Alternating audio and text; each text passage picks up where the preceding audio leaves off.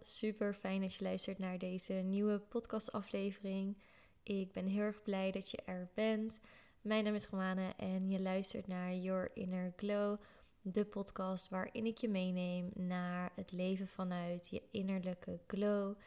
Ik neem je mee op mijn reis naar het staan in je eigen kracht, het ervaren van meer zelfliefde en innerlijke rust.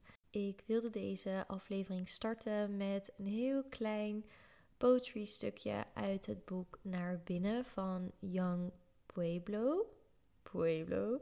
Ik weet helemaal niet of ik het goed zeg. Ik kreeg ineens een ingeving voor de podcast en ik dacht, ik pak het boek en ik sla hem op een bladzijde open. En het paste echt perfect met wat ik in mijn hoofd had. En hij gaat als volgt. Als er overal chaos om je heen is, is het wijs om vrede in jezelf te creëren. Je vrede straalt naar buiten en ondersteunt het scheppen van een nieuwe harmonie. Zo ontzettend mooi. Het is het nieuwe jaar.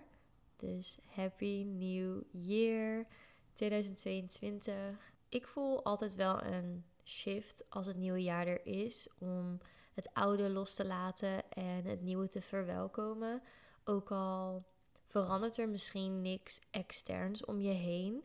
In ieder geval bij mij is er niet externs iets veranderd dan een week geleden. Alleen ik merk in mezelf qua mindset, qua energie, dat er toch een shift is van binnen. En daar gaat het ook uiteindelijk om ik merk als ik door Instagram scroll dat iedereen bezig is met nieuwe doelen, nieuwe voornemens. En ik hou wel echt van die vibe van een fresh start, een nieuw begin. Alleen ik kan me ook voorstellen dat het voor sommigen heel overweldigend is van oké, wat zijn mijn nieuwe doelen? Wat wil ik eigenlijk? En ben ik wel klaar om het oude los te laten wat me niet meer dient en nieuwe dingen te verwelkomen, om uit mijn comfortzone te stappen. Ja, ik kan me heel goed voorstellen dat het ook dat dat overweldigend is.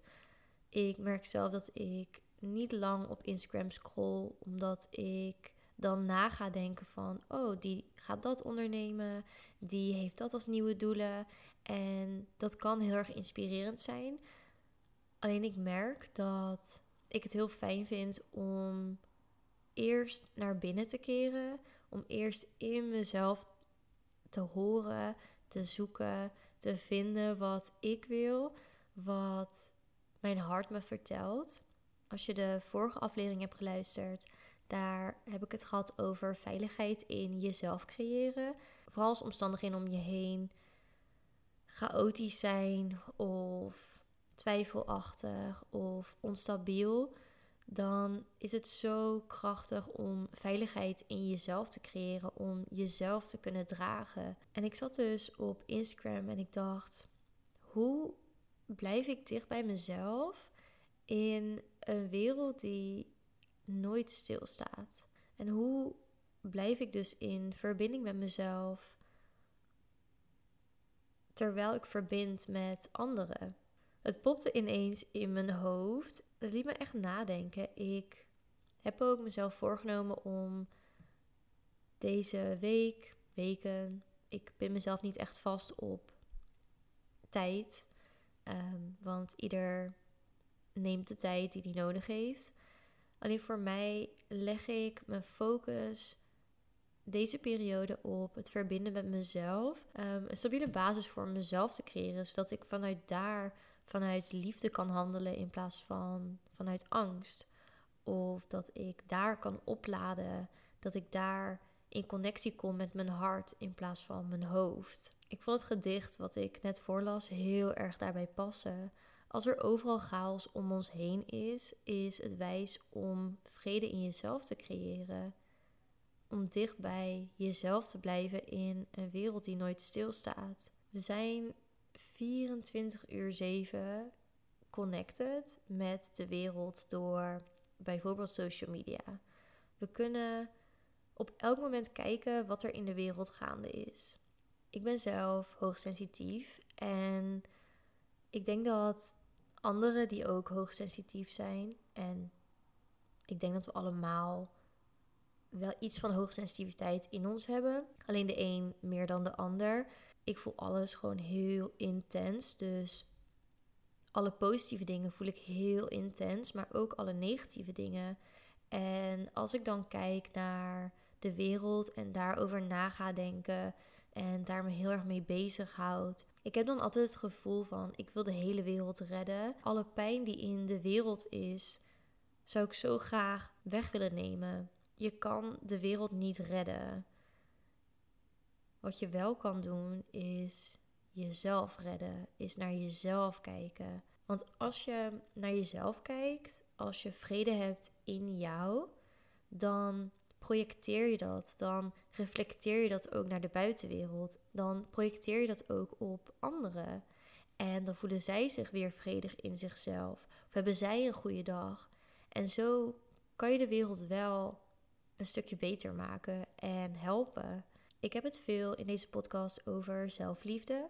En zelfliefde is ja voor jezelf. Alleen zelfliefde is ook een dienst. Stel je voor dat ik mijn auto pak en ik heb niet mijn morning routine gedaan. Ik heb niet gemediteerd. Ik ben in een soort haast wakker geworden, gerend, gesprint. Sowieso heb ik echt een super erge hekel aan, aan haasten. Ik weet niet, who's with me.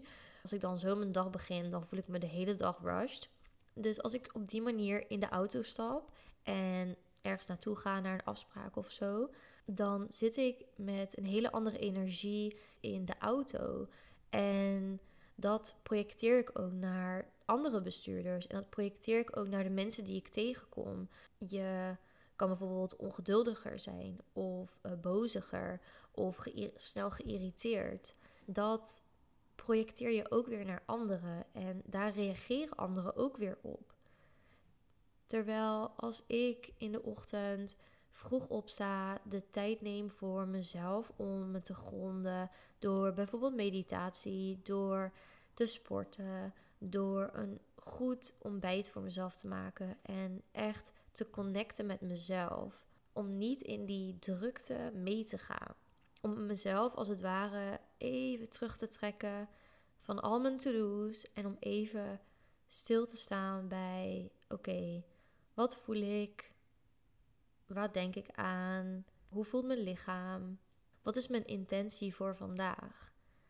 En als ik op die manier in de auto stap, met kalmte, met liefde, dan weet ik dat ik de hele dag vanuit die energie denk, reageer, handel.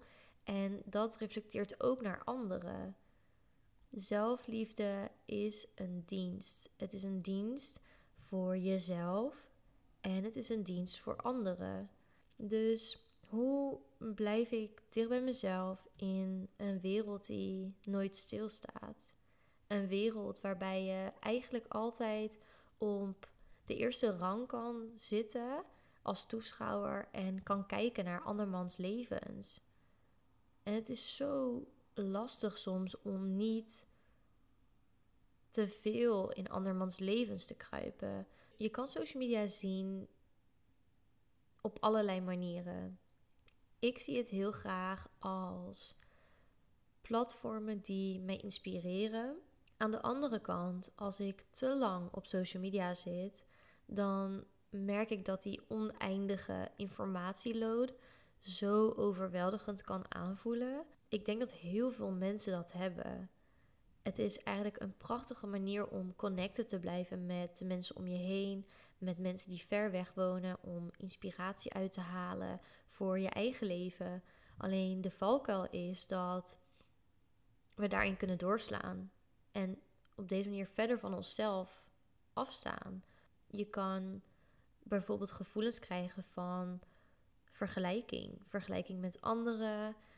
Het is dan ook meer dan normaal dat er nu veel meer burn-out zijn. Dat mensen veel meer de lat hoger leggen voor zichzelf. Dat mensen negatiever zijn over hun zelfbeeld. Omdat we toegang hebben tot iedereen. We hebben toegang tot die online wereld. Mocht je daar wel eens last van hebben of er helemaal doorheen zitten, dat kan natuurlijk ook. Of overweldigend voelen wat je ook voelt, Ik wil je vertellen dat je al goed genoeg bent. Je bent al goed genoeg door hier te zijn. Je hoeft niks extra's te doen in je leven. Je hoeft niks extra's te zijn om goed genoeg te zijn. Je bent goed genoeg om geaccepteerd te worden, om liefde te voelen, om dingen te doen vanuit je hart. Je bent al helemaal compleet. Precies zoals je bent. Als ik in een hele drukke periode zit of waarbij veel externe dingen bijvoorbeeld verkeerd gaan of moeilijke dingen gebeuren, dat mijn aandacht ook vooral gericht is naar het externe, naar alles wat buiten mij is. En dat ik dan veel minder verbinding voel met mezelf. Alleen zoals ik eerder zei, het begint bij jezelf. En zo vind je ook een bepaalde manier om met situaties om te gaan. Soms dan voelen we ons zo overweldigend in een bepaalde situatie dat we het echt niet meer weten. Dat we niet meer weten wat we voelen, wat we denken. Spreekt ons hart nou? Spreekt ons hoofd? Spreekt je intuïtie? Zijn we zo bezig met de mening van anderen? Hoe ziet die dat? Wat vind jij? Alleen als je verbonden blijft bij jezelf, als je dichter bij jezelf staat, dan weet je het. Dan sta je open voor je intuïtie en dan vertrouw je ook op je intuïtie. Stel je voor dat, stel je voor dat een dierbare jouw hulp nodig heeft. Hij of zij gaat door een hele moeilijke periode. Hoe kan je jouw positieve en krachtige energie doorgeven aan die persoon als je niet verbonden bent zelf met die energie in jou? Dan haal je water uit een lege put. Dat gaat niet. Dat is onmogelijk. Als de put leeg is, is de put leeg. En dan kan je niet water gaan halen uit die put en het aan de ander geven. En dit is precies wat mensen bedoelen als ze zeggen: Fill your cup first. Fill your cup first. Want dan heb je die basis, dan heb je die veiligheid, dan heb je de kracht. Dan kan je vanuit dat de wereld eigenlijk aan en er voor de ander zijn zonder dat jij eronder doorgaat, zonder dat jij helemaal uitgeput achterblijft. En het vergt echt oefening. En het vergt soms realisatiemomenten van wow, stop. Ik ben moe, ik heb geen energie. En dat voelen we soms mentaal, emotioneel of in ons lichaam.